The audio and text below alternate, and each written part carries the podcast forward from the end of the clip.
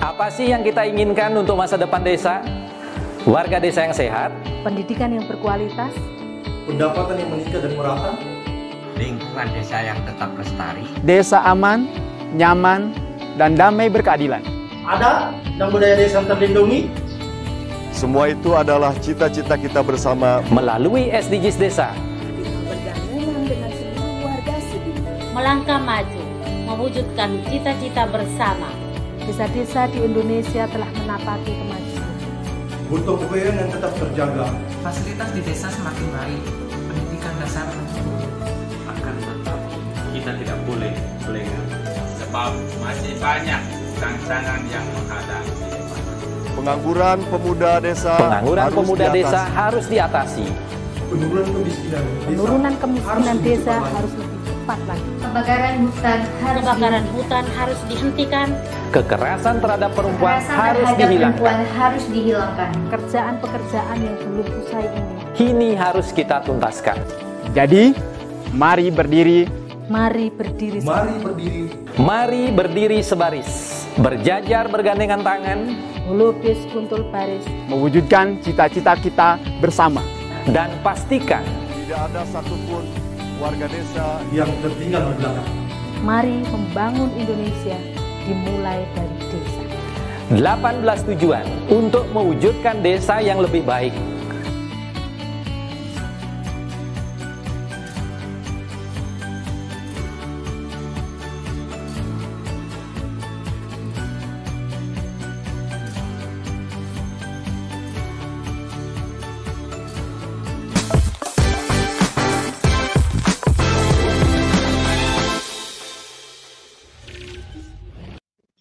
Mari berdiri sebaris selubus kontol baris, salam bahagia kerabat desa Indonesia, salam sehat SDGs desa. Pagi ini kita akan mendiskusikan bicara tentang bagaimana BUMDes Maja dikembangkan. Uh, ini rekomendasi dari Prof. Yoyon dan Alhamdulillah luar biasa ini Pak Camat Maja juga ikut hadir. Selamat pagi Kang Al-Ghifari. Halo. Selamat pagi, Pak. Pagi, pagi Prof. Yayan, pagi Pak Camat Arif. Juga hadir beberapa teman-teman dari desa sekitar ini sepertinya. Dan terima kasih juga uh, Mas Arif, uh, guru desa, sudah hadir. Mbak Yayat, uh, Sekcam. Uh, Kang Alki, boleh cerita nih uh, seputaran Bumdes Maja ini. Uh, rekomendasi dari Prof. Yayan sepertinya ini ada sesuatu yang spesial nih dari Bumdes Maja. Silakan Kang. uh, sebelumnya terima kasih Pak Uh, selamat pagi juga, Prof. Gitu. Baik, uh, di sini saya coba menjelaskan tentang BUMDes Maja Selatan, yang mana uh, di Maja Selatan, untuk diketahui, ada beberapa kegiatan unit usaha yang sekarang lagi dijalankan, yang lagi dijalankan. Yang pertama itu kita punya pasar desa, Pak. Pasar okay. desa yang mana eh, lokasinya pastinya tidak terlalu jauh dengan kantor Balai Desa Maja Selatan, dengan luasan area itu satu hektar setengah, Pak. Hmm. Luasan area satu hektar setengah. Di situ eh, memang ada beberapa komoditas di pasar Maja Selatan itu terutama kebetulan potensi yang paling dekat uh, yang bisa di trading di pasar tersebut itu seperti sayuran kebanyakan. Dan memang terkenal uh, salah satunya untuk pasar Maja Selatan itu adalah pasar sayur. Gitu. karena menampung uh, beberapa komoditas sayuran dari desa-desa uh, tetangga termasuk kecamatan uh, tetangga gitu dari daerah Hargapura Ini kayak oh, pasar agro gitu. Ya. Pasar agro ya. Gimana? Pasar agro. Ya, pasar agro. Pak. Ya, pasar agro.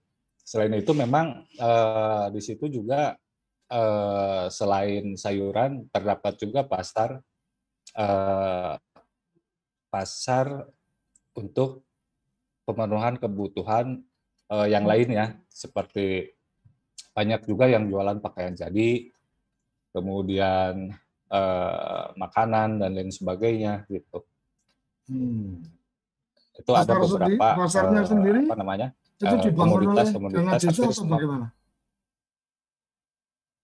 Pembangunan Gimana? pasarnya dari mana, Kang? Gimana, Pak? Pembangunan pasarnya? Ah, bangunan pasarnya sendiri itu ya pa- itu dilakukan eh, secara swadaya Oke. dari dari beberapa tahun eh, ke belakang itu kalau tidak salah dari sekitar tahun 80-an itu Mhm. dari mulai eh, areanya yang tidak terlalu besar sampai sekitar tahun 2000-an itu eh, memang dibangun eh, banyak tempat-tempat seperti kios, kemudian los, sehingga eh, semakin ke sini semakin berkembang. Dari lahan, mungkin sekarang itu dari lahan yang ada itu space-nya memang udah udah hampir habis gitu. Selain pasar desa? Ah, Selain pasar desa yang eh, BUMDes Maja Selatan sekarang eh, unit usahanya itu adalah eh, air bersih, Pak. Hmm, Air bersih. Duluan mana? Kita menyebut- Air bersih sama pasar? Duluan pasar, Pak. Oke. Duluan pasar. Duluan Hmm. pasar. Air bersih itu se- kalau tidak salah eh, dimulai sekitar tahun eh, 2000-an. Hmm. Sekitar tahun 2000-an eh, semakin ke sini dikembangkan, ditertibkan sehingga eh, bisa mendapatkan secara finansial, secara omset itu cukup lumayan gitu. Selain selain air bersih, kita juga punya beberapa unit penyewaan. Kan kalau kalau di pasar itu eh, salah satu sumber pendapatan itu kan dari seperti retribusi lapak, kebersihan, kemudian ada parkir, Hmm. ada eh, sewa kontrak eh, lahan seperti itu. Sedangkan untuk unit penyewaan kita itu punya eh, apa gedung gedung serbaguna seperti gor yang sehari-harinya memang digunakan atau disewakan untuk seperti kegiatan olahraga, futsal, kemudian poli, seperti itu. Selain ada kadang event seperti resepsi dan lain sebagainya atau event-event eh, resmi pemerintahan lain gitu. Dan Kemudian itu murni dari apa? Dari desa ya untuk pembangunan. dari desa, fisiknya. dari desa. Ya, untuk pembangunan fisiknya itu dari desa.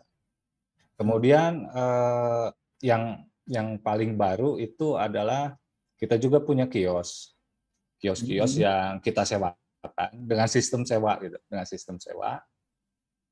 Itu kita punya 10 kios Di dengan pasar atau di luar eh, pasar? di luar, di luar, di Oke. luar Pak, di luar pasar. Kita punya lagi itu kios dengan omset per tahun itu kurang lebih 70 juta. Hmm. Selain itu eh, ada los seperti tempat eh, jualan, cuma lebih cenderung terbuka gitu. Ya, los itu.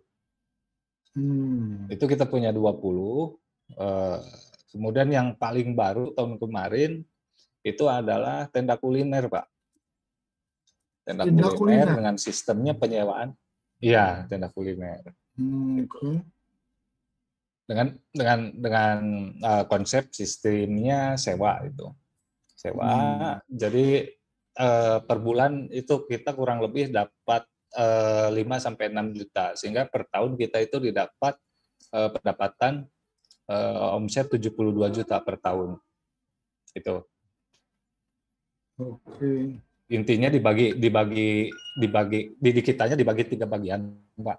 Yang pertama itu, pasar itu desa, maksudnya pasar jadi... desa. Kemudian Ya, Pak. Itu masuknya unit usaha. Masuknya unit usaha, unit Oke. usaha dikelola oleh BUMDes. Oke. Lanjut lanjut silakan.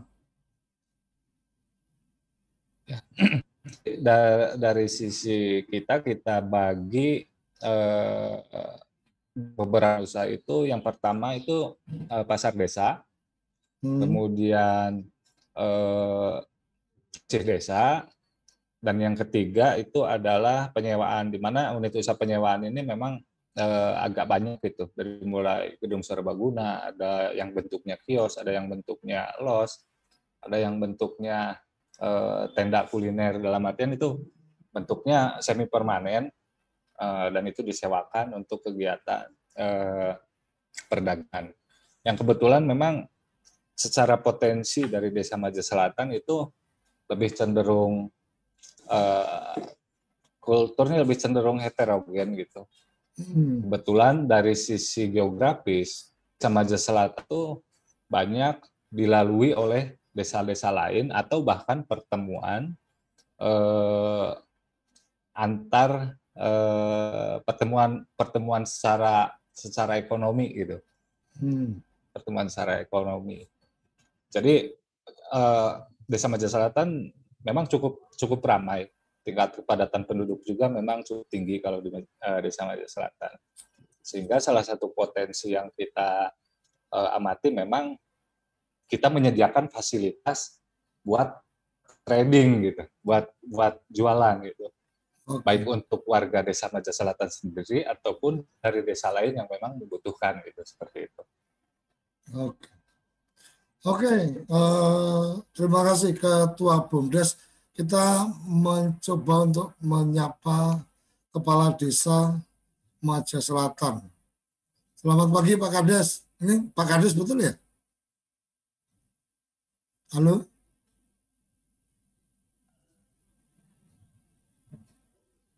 Halo, Pak Kades? Ada. Halo? Halo? Ya. Halo? Ya Pak Kades. Ada masuk, Pak? Masuk, masuk, silakan.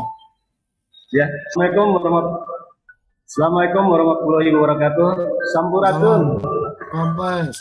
Selamat Selamat pagi, salam sejahtera bagi kita semua, khususnya kepada para kades umum di mana pun berada. Saya Abdul Nasir Esos, Kepala Desa Maja Selatan, Kecamatan Maja, Kabupaten Majalengka, Provinsi Jawa Barat. Desa kami alhamdulillah berstatus desa mandiri, Pak. Ya. Yang berpenduduk yang berpenduduk 7.588 jiwa dan 20 2.211 kepala keluarga. Keadaan geografis dan topografi Alhamdulillah Remaja Selatan ah, di atas permukaan laut 500 mdl curah hujan rata-rata per tahun 3.390 mm. Ya. Sana subur, Maja Selatan itu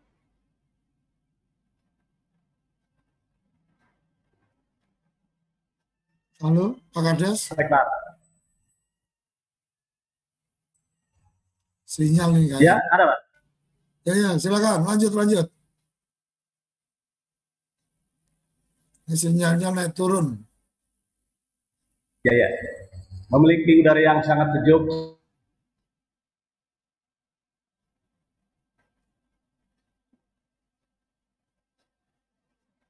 Halo, Pak Kades. Ada Pak. Ah, Halo, halo. Ya. Oke. Ada ya. Mungkin mungkin Ya, bisa APBD. diceritakan tentang tentang BUMDesnya nih di dimulainya dari kapan setelah undang-undang desa atau sebelum undang-undang desa sudah di apa dikembangkan BUMDes. Silakan. Ah, saya itu dilantik 2017 Pak. 2017 langsung ada undang-undang. Tadinya bumdesnya nggak berkembang nggak cuman nama langsung dibikin ya ke bumdes dibikin bumdes. Ya alhamdulillah sampai sekarang ada ada peningkatan ya. Ada kemajuan penertiban pasar dan pengelolaannya ya alhamdulillah udah udah baik pak. Hmm. iya. APBDes ya. Kan? APBDes mendapatkan APBDes sumbangan yang- berapa ini dari BUMDes? apa Dari dari BUMDes ada berapa masuk untuk PADes? Ah, dari bumdes sekitar 335 300 per, per tahun ya 335 juta per tahun pak dari bumdes Pak. Dari total APBDes berapa mas? Kang? 2 miliar eh, lebih pak 2 miliaran berkisaran 2 miliar dari eh, Per, dari aset aset BUMDesnya berapa besar? apa Aset aset BUMDes. Asetnya BUMDes. 335 juta per tahunnya pak yang masuk Enggak, itu kan setorannya. Aset, Ah. as- asetnya BUMDes. Total asetnya BUMDes. Mungkin apa ketua BUMDes Ya. boleh diinfokan? Boleh. Total asetnya ada berapa Kang? Kalau kalau dari sisi aset, dari sisi nominal kita perkirakan itu di angka 400 jutaan. Dari total aset 400 itu Ya. mampu menyetorkan ke desa itu Dan 300. 300. Ya, Luar karena biasa. Ya kar- karena gini, ada beberapa eh, aset desa, aset Hmm. desa yang memang sebelumnya itu memang aset desa bukan aset BUMDes, Hmm. kemudian dialih kelolakan ke BUMDes untuk eh, dilakukan eh, kelolaan sebagai unit usaha gitu, Pak. Oh, artinya ada aset desa Ada yang aset kemudian desa yang dikelola oleh BUMDes. dikelolanya oleh oleh BUMDes. BUMDes. Aset aset lahan atau aset lahan, bangunan, Ah. itu kan seperti eh, oh gedung. seperti gedung. Ya, itu kan dibangunnya tahun tahun berapa gitu, Pak. Oh, yang di, artinya, ya. dikelola kan. Sulit ini yang dulu ya Ya, yang tadinya tidak tidak produktif secara finansial menjadi produktif secara finansial gitu, Pak. Oke. Kembali ke Pak Kades, berarti artinya Ya, beberapa aset yang dimiliki oleh desa yang kemudian bisa apa eh, dikembangkan menjadi potensi apa bisnis maka kemudian eh, ditunjuk BUMDes untuk Mengelola. eh, Mengelolanya. mengelolanya. iya iya Tapi eh, tetapi aset itu tetap aset desa ya, tidak kemudian eh, dijadikan aset BUMDes ya. Beda, beda. Beda dipisahkan. Oke. Oke, oke, oke. Terima kasih Pak Kades. Masih ada yang ingin disampaikan? siapa Halo? Masih Ada. ada yang ingin disampaikan? ada halo Silakan.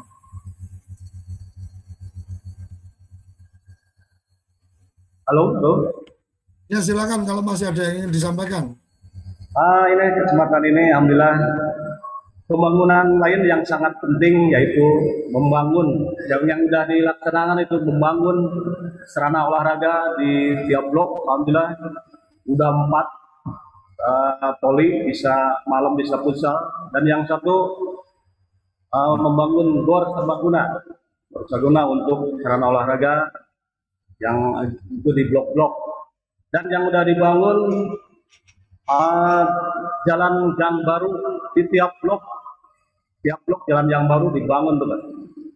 lalu kami juga peduli terhadap pendidikan dengan mendirikan dengan mendirikan perpustakaan. Perpustakaan yang diberi nama Pustaka Ilmu Maja Selatan dan udah sekarang sekarang sedang proses itu akreditasi dan sudah menggunakan aplikasi English Lite berharap agar masyarakat kami cerdas melalui giat literasi tersebut dan juga salah satu upaya peningkatan ekonomi desa dan peningkatan pendapatan asli desa pemerintah Desa Majelasan Majah Selatan telah membentuk yaitu yang tadi sudah dipaparkan itu uh, BUMDes. Oke.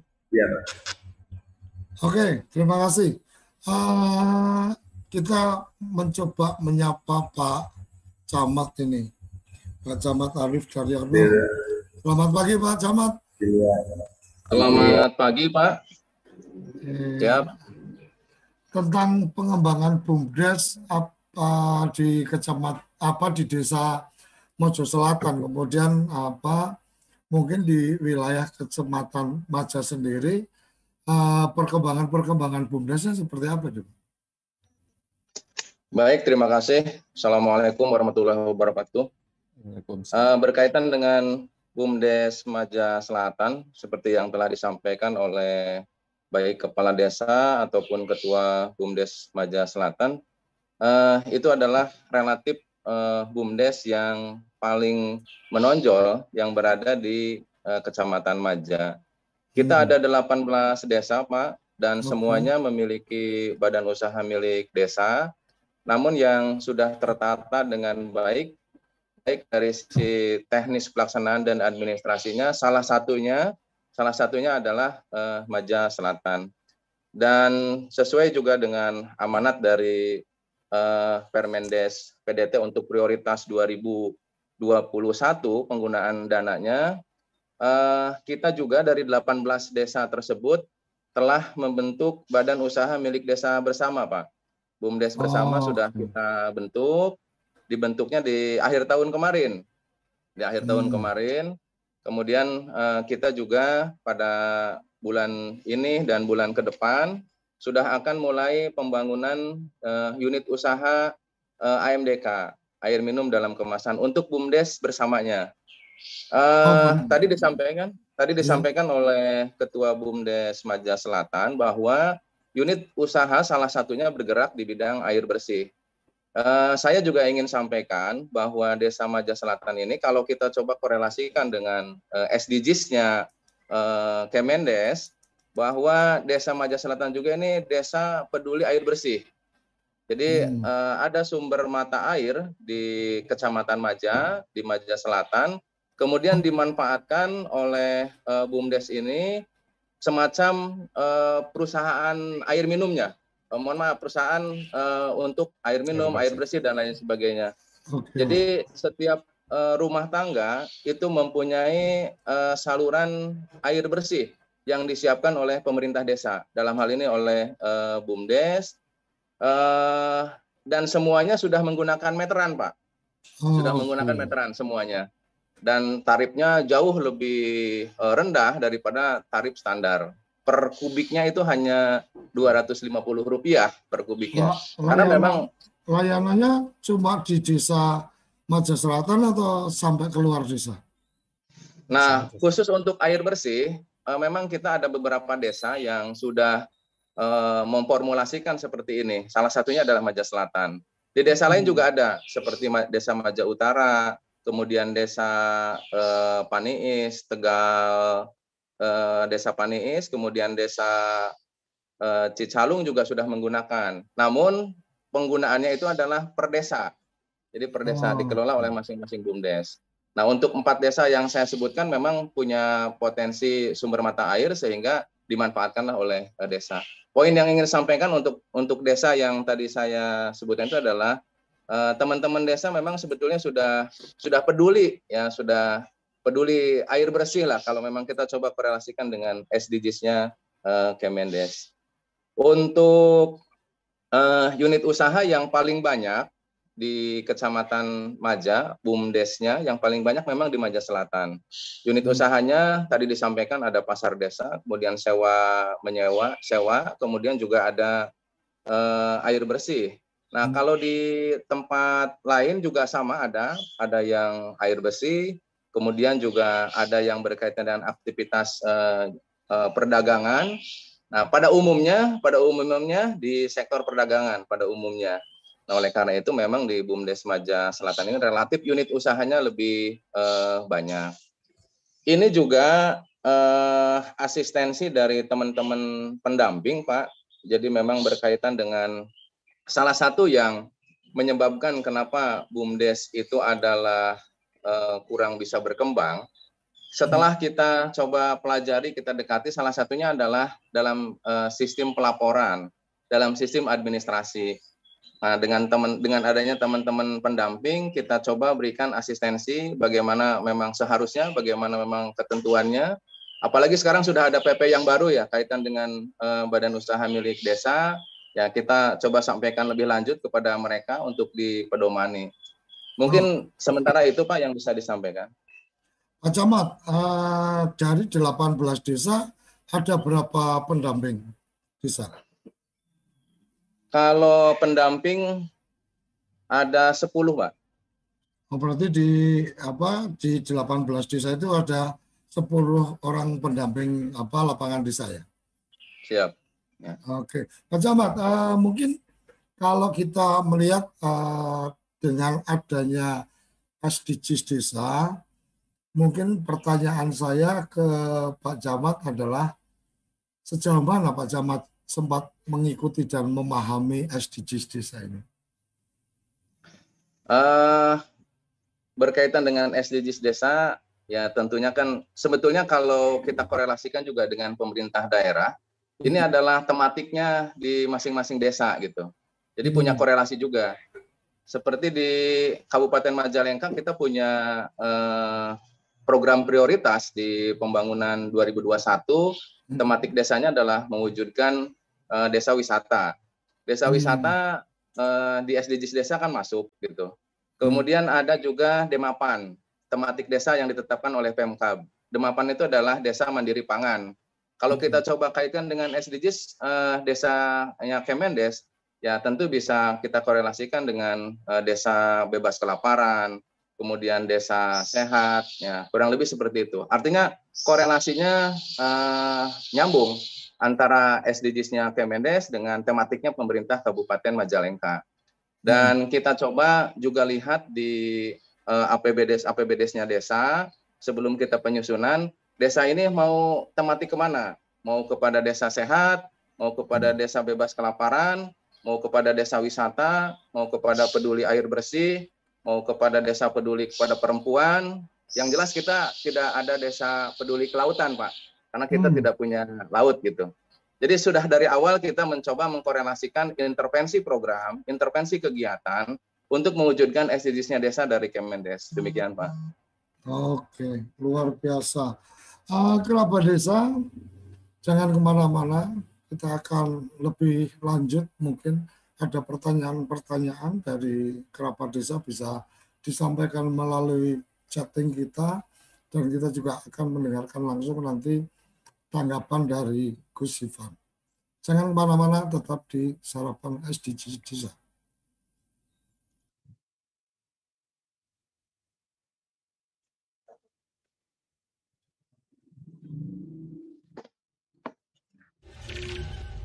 Kamu tinggal di pulau terpencil, pegunungan pinggiran kota, atau daerah di Indonesia yang tidak terjangkau jaringan fiber, ADSL, dan juga 3G. Internetan dengan cepat pasti cuma akan menjadi mimpi. Mau pakai tol langit, pakai desa wifi, kunjungi www.desawifi.id. Apa sih yang kita inginkan untuk masa depan desa? Warga desa yang sehat, pendidikan yang berkualitas, pendapatan yang meningkat dan merata, lingkungan desa yang tetap lestari, desa aman, nyaman, dan damai berkeadilan. Ada dan budaya desa terlindungi. Semua itu adalah cita-cita kita bersama melalui SDGs Desa. Satu, desa tanpa kemiskinan. Dua, desa tanpa kelaparan. Tiga, desa sehat sejahtera. Empat, pendidikan desa berkualitas. Lima, keterlibatan perempuan desa. Desa layak air bersih dan sanitasi. 7. Desa berenergi bersih dan terbarukan. 8. Pertumbuhan ekonomi desa merata. 9. Infrastruktur dan inovasi desa sesuai kebutuhan. 10. Desa tanpa kesenjangan 11. Kawasan permukiman desa aman dan nyaman 12. Konsumsi dan produksi desa sadar lingkungan 13. Desa tanggap perubahan iklim 14. Desa peduli lingkungan laut 15. Desa peduli lingkungan darat 16. Desa damai berkeadilan 17. Kemitraan untuk membangun desa 18. Kelembagaan desa dinamis dan budaya desa adaptif.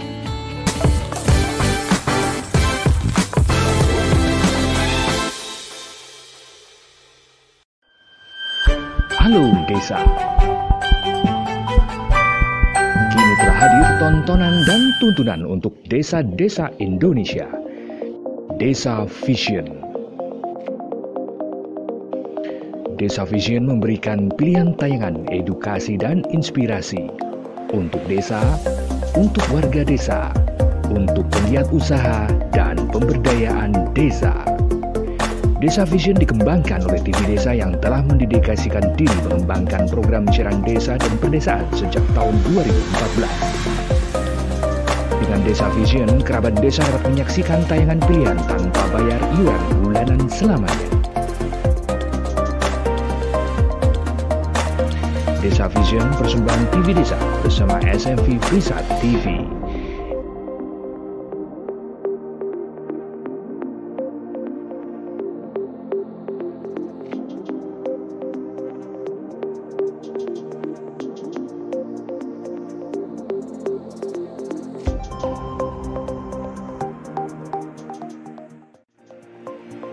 Info lengkap kunjungi desavision.id.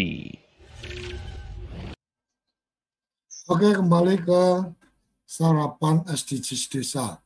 Uh, kita sudah mendengar tadi tentang bagaimana bisa kemudian melakukan adaptasi ketika uh, punya aset-aset seperti yang tadi disampaikan, punya bangunan, punya tanah yang kemudian uh, bisa dikembangkan pengelolaannya ke badan usaha milik desa sehingga uh, secara nilai secara aset nilainya tetap aset itu punya desa tetapi bahwa ada lembaga atau ada unit yang kemudian menjadi pengelola untuk ketika uh, aset itu dimanfaatkan untuk keperluan-keperluan yang lain dan kemudian lebih serius ada yang mengelola. Mungkin yang saya bayangkan seperti itu ibarat kata ada satu desa yang kemudian punya balai desanya cukup besar yang juga layak untuk dipakai acara-acara perkawinan, resepsi dan seterusnya,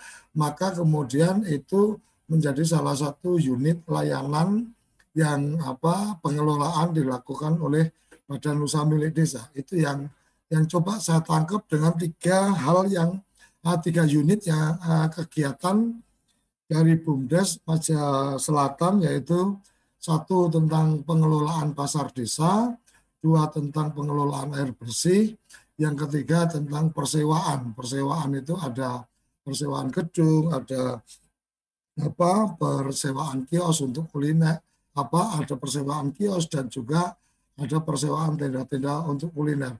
Kira-kira kayak gitu, betul ya, Kang Alki ya? Ya, betul Pak. Oke, oke. Jadi uh, dari dari sini kemudian uh, kita bisa melihat tentang bagaimana teman-teman di desa uh, dalam hal ini lembaga desanya, Pak Kepala Desanya ini cukup adaptif dengan perkembangan-perkembangan yang ada bahwa aset-aset ini bisa kemudian harus dimaksimalkan untuk kemudian setidaknya oke okay, bisa menghasilkan secara ekonomis, mungkin bisa juga uh, bisa memberikan kemanfaatan lebih kepada uh, masyarakat. Pertanyaannya ke Kang Alki mungkin. Kalau untuk layanan air bersih, apakah uh, sumber airnya dari Desa Maja Selatan sendiri atau di luar desa, Kang? Betulan di luar desa, Pak. Oke. Okay. Nah kemudian ketika uh, sumber air itu dari luar desa, uh, ada konsesi atau ada kerjasama atau ada bentuk-bentuk seperti apa untuk desa yang memiliki sumber mata air? Ada, ada. Oke. Ada. Artinya, artinya kalau di layanan air ini eh, tidak dalam konteks jadi target eh, keuntungan besar ya, tapi lebih pada bagaimana pelayanan kepada masyarakat, kemudian pemeliharaan eh, pipa dan seterusnya itu terbiayai dari iuran atau bayar airnya. Betul. Atau bagaimana? Silakan, Kang Betul. Aldi, berbagi Ya. cerita. Ah, eh, apa namanya?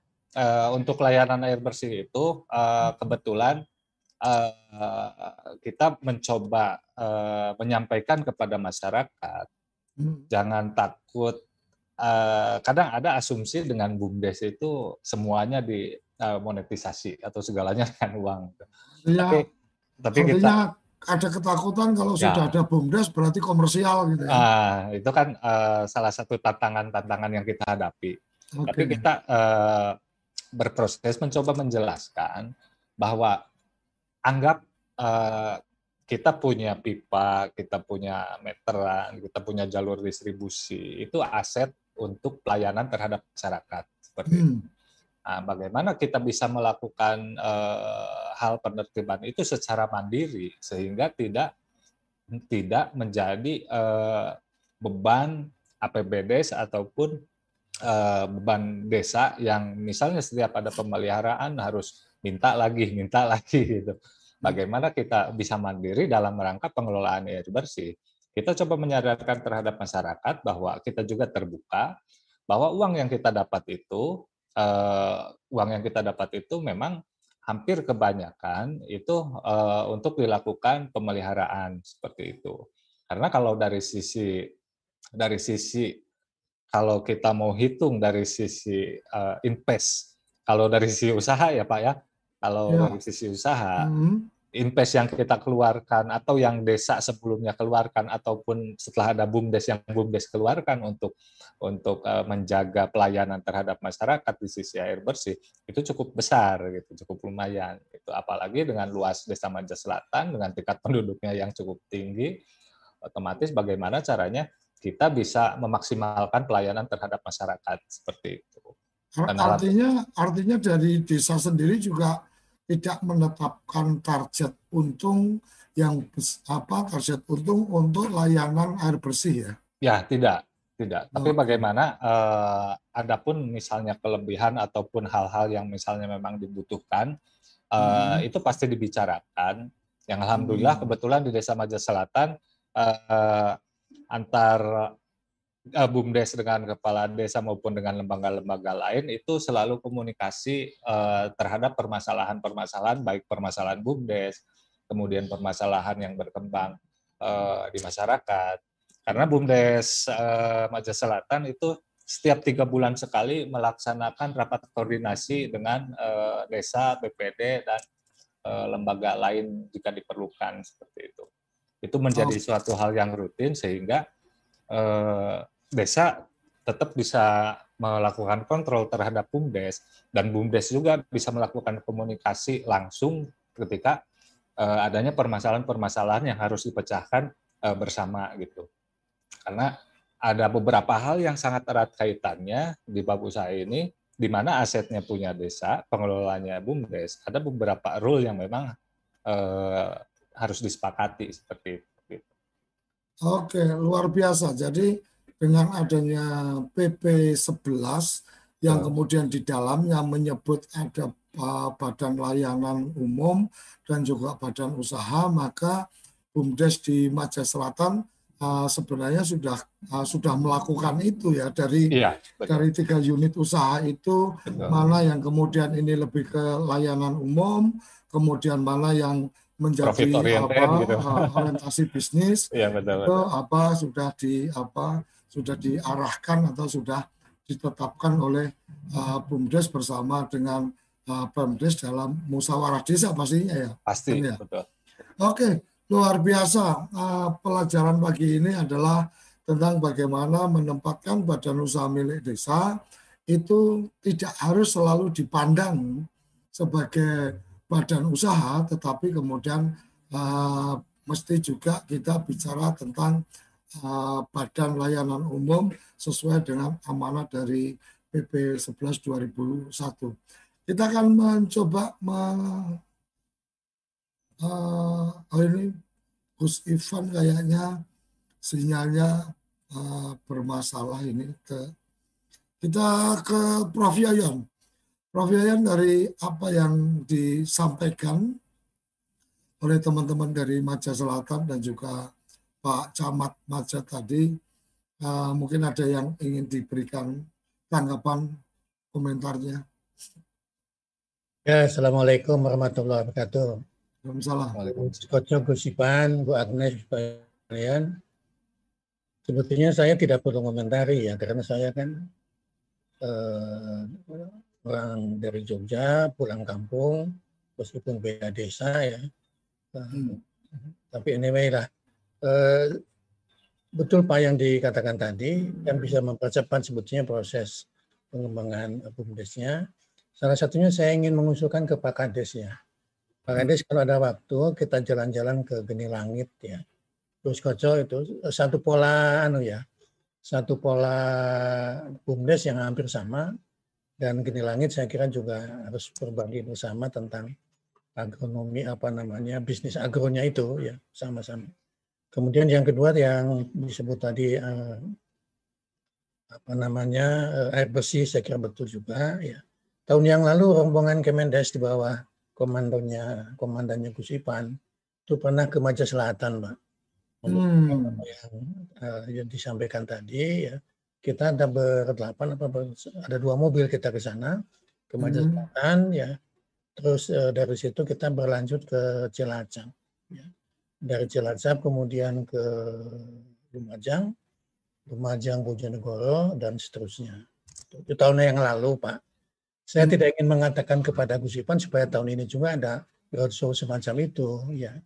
Ya, Pak Ipan saya kira sudah mengerti ya. Jadi nanti dari Geni Langit, terus kita ke Surabaya, mampir ITS, kita ke Buleleng, ya, Ke mana lagi Bu Agnes? Kemarin kita ya ke Buleleng ya, ke Gus Koco jangan lupa ya di jadwal ya. E, melihat yang kemarin yang sangat bagus itu terumbu karang hmm. dan sebagainya meskipun uh, tidak ada laut di sana. Intinya saya kira BUMDes Ma, BUMDes Maja Selatan dan BUMDes Kecamatan Maja itu bisa uh, mengakselerasi kegiatan-kegiatannya uh, berdasarkan potensi-potensi desa ya Misalnya ada lumbung pangan, ada macam-macam lah yang potensial itu. Dan saya lihat kekompakan di dalam juga mendukung sekali ya. Dan bisa dilakukan lah, bisa dilakukan ya. Ya apalagi Camatnya sangat muda, energik ya, eh, memotivasi sekali. Jadi eh, di depan saya kira masih punya peluang untuk eh, dikembangkan ya. Ada desa yang tadi empat, yang 18, ada 18 dan sebagainya. Dan Gus Ipan saya kira sudah mengerti juga itu uh, berkali-kali kita komunikasi dengan kementerian uh, uh, uh, AMDK, AMDK. Air minum dalam kemasan sudah kita uh, laporkan ke kementerian ya, lewat sekjen, lewat uh, Pak Menteri juga sebetulnya. Ya. Cuman kesempatannya saja yang belum sampai. Ya. ya, saya kira itu komentar saya okay. banyak lah ya yang penting sebetulnya komennya dari Bu Agnes, dari Gus Ipan, ya dan tokoh di kita ini Pak Arif kira sangat luar biasa sekali. Saya singkat saja Gus Koco ya. Okay. Ini uh, tidak begitu banyak yang saya sampaikan. Ada Gus Ipan, saya okay. Bu Agnes ini. Terima kasih. Assalamualaikum warahmatullahi ya. Silakan uh, Gus Ipan bisa memberikan catatan-catatan penting untuk apa uh, pagi hari ini. Jadi ini luar biasa menurut saya ketika kemudian PP dilahirkan dengan konsep ada badan layanan umum, ada badan usaha. Ternyata teman-teman di Pemdes Baja Selatan uh, juga sudah mengimplementasikan itu walaupun apa uh, aturannya berjalankan. Silakan Gus. Terima kasih Gus Koco. Ini uh, internetnya aneh ini pagi ini. sudah diperbaiki kemarin tapi masih aneh. Ya. Jadi apa namanya? Uh, ini, ini di kantor atau di rumah ini, Bos? Di rumah. itu Maja Selatan uh, sebetulnya kementerian pernah ke sana karena ada berbagai apa namanya masukan untuk ke sana. Selamat ketemu lagi hmm. nih Pak Camat, Pak Kades, uh, pimpinan BUMDes. Nah, mungkin yang menarik di Maja Selatan dan ini pada sebagian besar BUMDes ini Gus Koco, yaitu memang sudah mengetahui adanya berbagai potensi ekonomi uh, sejak dulu gitu. Nah, tinggal bagaimana uh, mengembangkan lebih lanjut.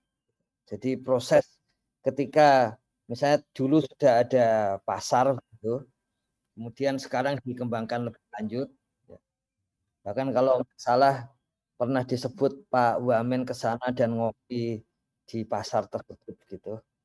Itu itu yang penting karena itu kemudian punya link dengan berbagai peraturan pemerintah yang saat ini terbit. Jadi sekarang sudah bisa legal untuk mengelola pasar desa seperti itu atau atau istilah di dalam PP pasar rakyat. Kemudian legal juga untuk mengelola bagian-bagian dari jalan. Jalan tol aja legal apalagi ya jalan tol artinya rest area. Apalagi jalan di non tol gitu, termasuk jalan-jalan kabupaten yang ada melintasi desa. Jadi ada ada peluang yang yang sangat besar di sana. Gitu. Dan kemudian soal air bersih, kita juga tahu ada peraturan pemerintah yang sekarang uh, membolehkan BUMDes mendapatkan izin untuk pengelolaan air bersih. Ya. Kita ingat ada BUMDes di Klaten ya yang sempat menyampaikan bagaimana kok bisa mengelola air bersih yang itu sebetulnya wewenang dari uh, Pemda gitu. Nah, caranya adalah dengan melakukan komunikasi intensif. Tapi kalau sekarang tidak hanya itu caranya. Memang sudah legal untuk untuk bisa menjalankan hal tersebut. Itu yang dimaksud uh, Gus Prof ada air bersih uh, dalam kemasan gitu ya ini karena kami orang lama kalau ada istilah AMD itu namanya sekarang AMDK. Iya itu. Image-nya masih ada ke sananya. Nah, harus, ini harus pakai kan, kalau cuma AMD iya. aja kita kebayang waktu apa tentara-tentara bantu bangun jalan kan gitu. Iya betul. Nah itu itu jelas dulu tidak masuk wewenang desa dan sampai sekarang tidak. Tapi yang hmm. yang menarik adalah BUMDes justru diberikan izin untuk melakukan hal itu. Jadi hmm. apa namanya?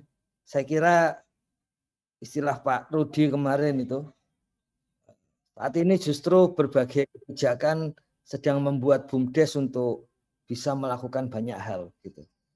Jadi salah satu menurut kami nih Gus Koco ya. salah satu uh, apa namanya? salah satu makna dari pandemi COVID ini ya, di mana hampir semua kebijakan ekonomi itu sedang diperluas peluangnya itu. Dan itu tidak hanya mencakup misalnya DP 0%, listrik di itu enggak seperti itu. BUMDes pun ternyata ikut terpengaruh dengan arus pandemi COVID ini, di mana kebijakan-kebijakan yang berkaitan dengan ekonomi dan di dalamnya termasuk BUMDes itu kemudian dibukakan peluang sebesar-besarnya. Hmm. Jadi apa namanya? Harapannya tentu saja setelah itu segera digunakan BUMDes.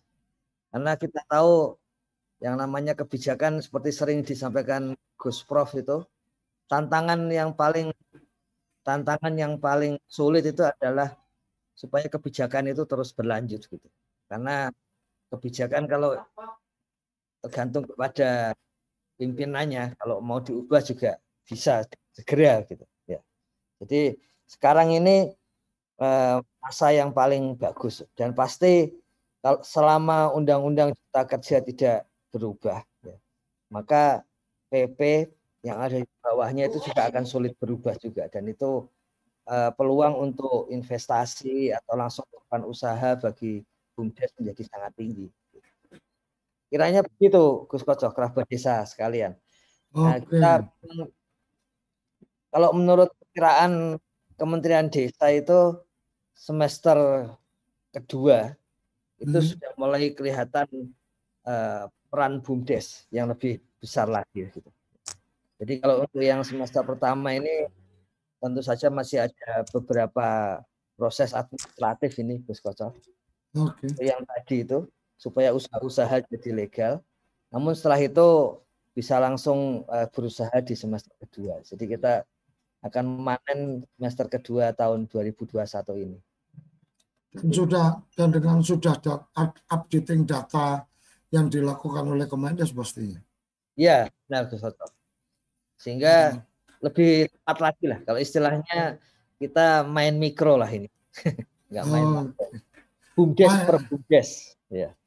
main mikro dengan basis data, jadi bicaranya sudah bicara data, tidak hanya data yang valid, sehingga uh, kemudian ketika menyampaikan ada capaian-capaian, menyampaikan ada sekian puluh ribu bumdes, menyampaikan ada sekian apa uh, panjang jalan dan seterusnya, itu ketika ditanya datanya sudah jelas gitu ya Gus ya. Ya. Tapi yang disampaikan Gus Koco benar.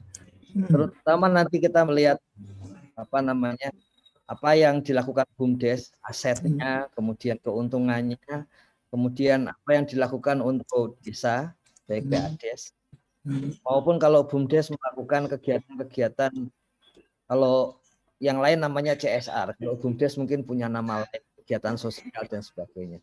Oke. Jadi, makna itu tetap dipegang sesuai undang-undang desa. Oke. Oke, terima kasih Gus Ivan.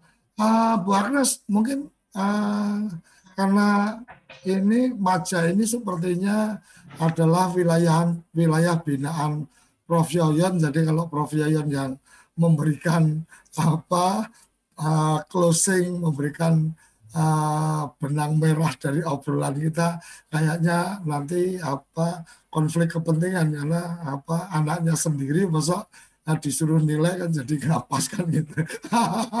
Silakan Bu Agnes closing statement untuk apa obrolan sarapan SDGs kita pagi ini.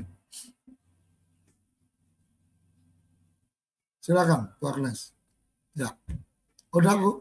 Ya. Terima kasih Pak Ivan. Saya sangat tertarik. Ini kebetulan sekaligus lapor ke Pak Ivan ini. Jadi saya kebetulan mengirimkan ada enam mahasiswa untuk Hmm. kerja praktek mempelajari bagaimana eh, desa ya dalam hal ini mungkin bumdes juga itu menerjemahkan keinginan kementerian. Jadi dari kementerian kemudian tadi dari eh, pemerintah kabupaten kemudian turun ke desa. Jadi nyambungnya itu seperti apa? Tadi seperti yang disampaikan kan ternyata di kabupaten itu ada apa itu namanya program-program yang harus di- dijalankan oleh desa dan itu nyambung gitu loh. Nah, Hmm. apakah semuanya seperti itu gitu? Nah, itu kami penasaran. Akhirnya saya kirim mahasiswa untuk mempelajari itu gitu ya. Hmm. Nah, supaya nanti kalau di Majalengka kan sudah jelas gitu. Tapi apa di tempat lain juga sama gitu ya. Nah, saya tertarik sekali dengan bagaimana upaya BUMDes. Bayangan saya BUMDes itu kan lembaga usaha yang eh, apa itu orientasinya bukan untuk seperti charity ya untuk sosial, tetapi justru mungkin tingkat eh, ukuran keberhasilannya kan kalau usaha itu menjadi besar ya. Hmm. Kalau bobot sosialnya terlalu tinggi, nanti nggak besar-besar gitu pikiran saya. Kalau bobot sosialnya terlalu tinggi kan nggak besar-besar.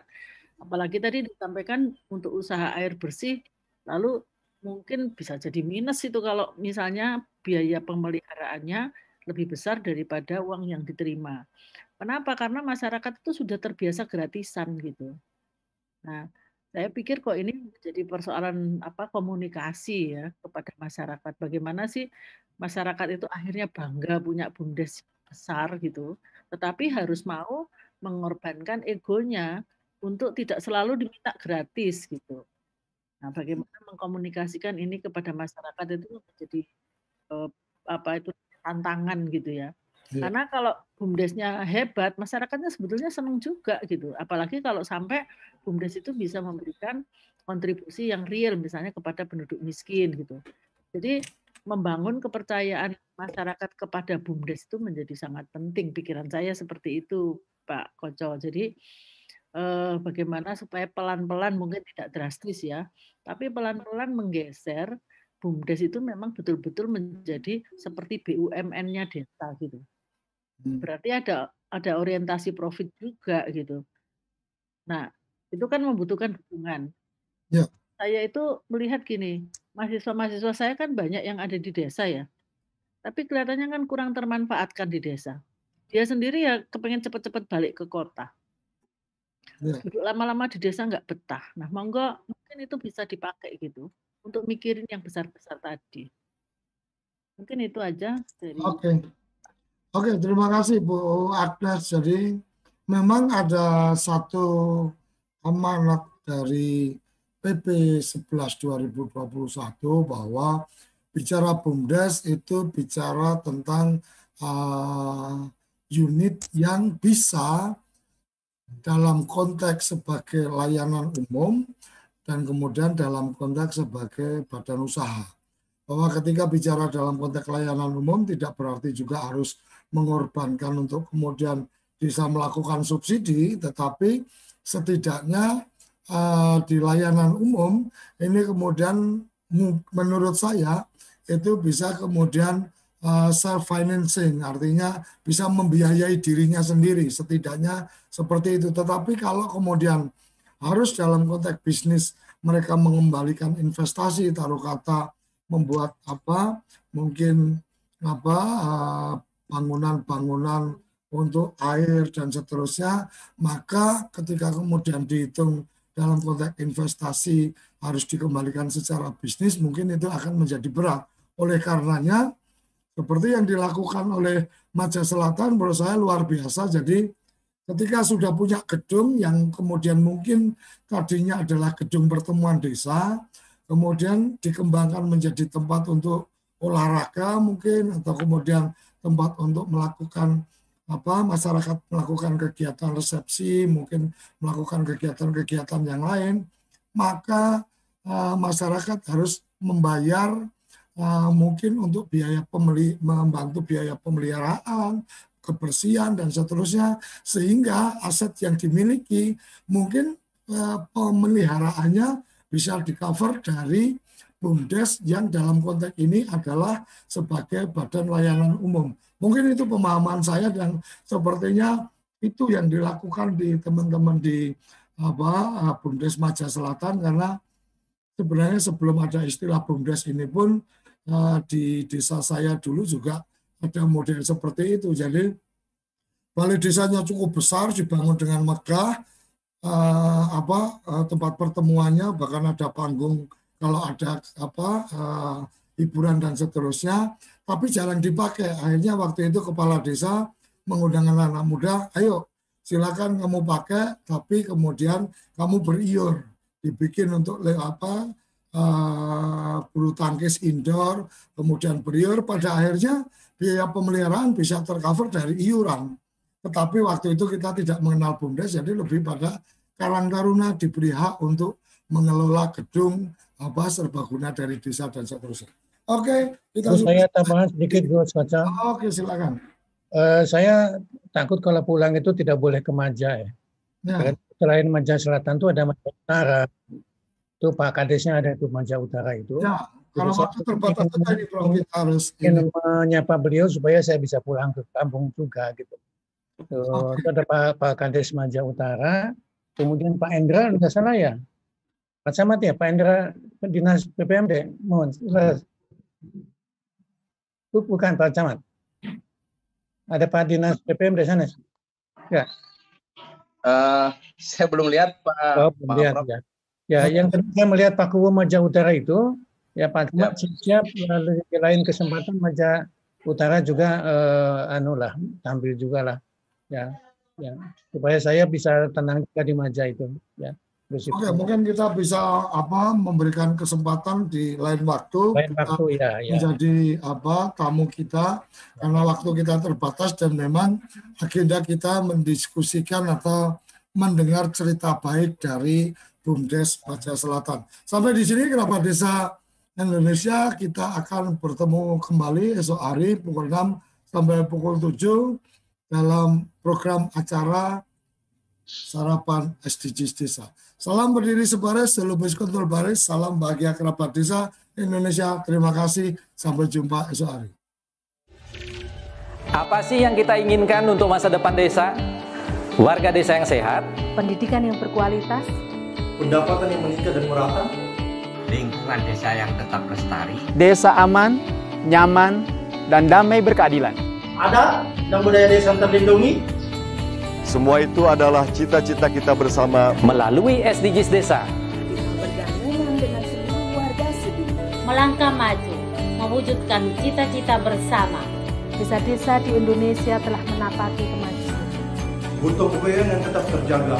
Fasilitas di desa semakin baik, pendidikan dasar. Akan tetap kita tidak boleh lengah. Sebab masih banyak tantangan yang menghadapi. Pengangguran pemuda desa Pengangguran harus pemuda diatasi. desa harus diatasi. Penurunan kemiskinan desa Penurunan kemiskinan harus desa lebih cepat harus lebih cepat lagi. Kebakaran hutan harus Kebakaran hutan harus dihentikan. Kekerasan terhadap perempuan Kekerasan harus terhadap dihilangkan. perempuan harus dihilangkan. Pekerjaan-pekerjaan yang belum usai ini. Kini harus kita tuntaskan. Jadi, mari berdiri, Mari berdiri. Mari berdiri, Mari berdiri sebaris, berjajar bergandengan tangan, melukis kuntul baris. mewujudkan cita-cita kita bersama. dan pastikan Tidak ada satupun warga desa yang tertinggal di belakang. Mari membangun Indonesia dimulai dari desa. 18 tujuan untuk mewujudkan desa yang lebih baik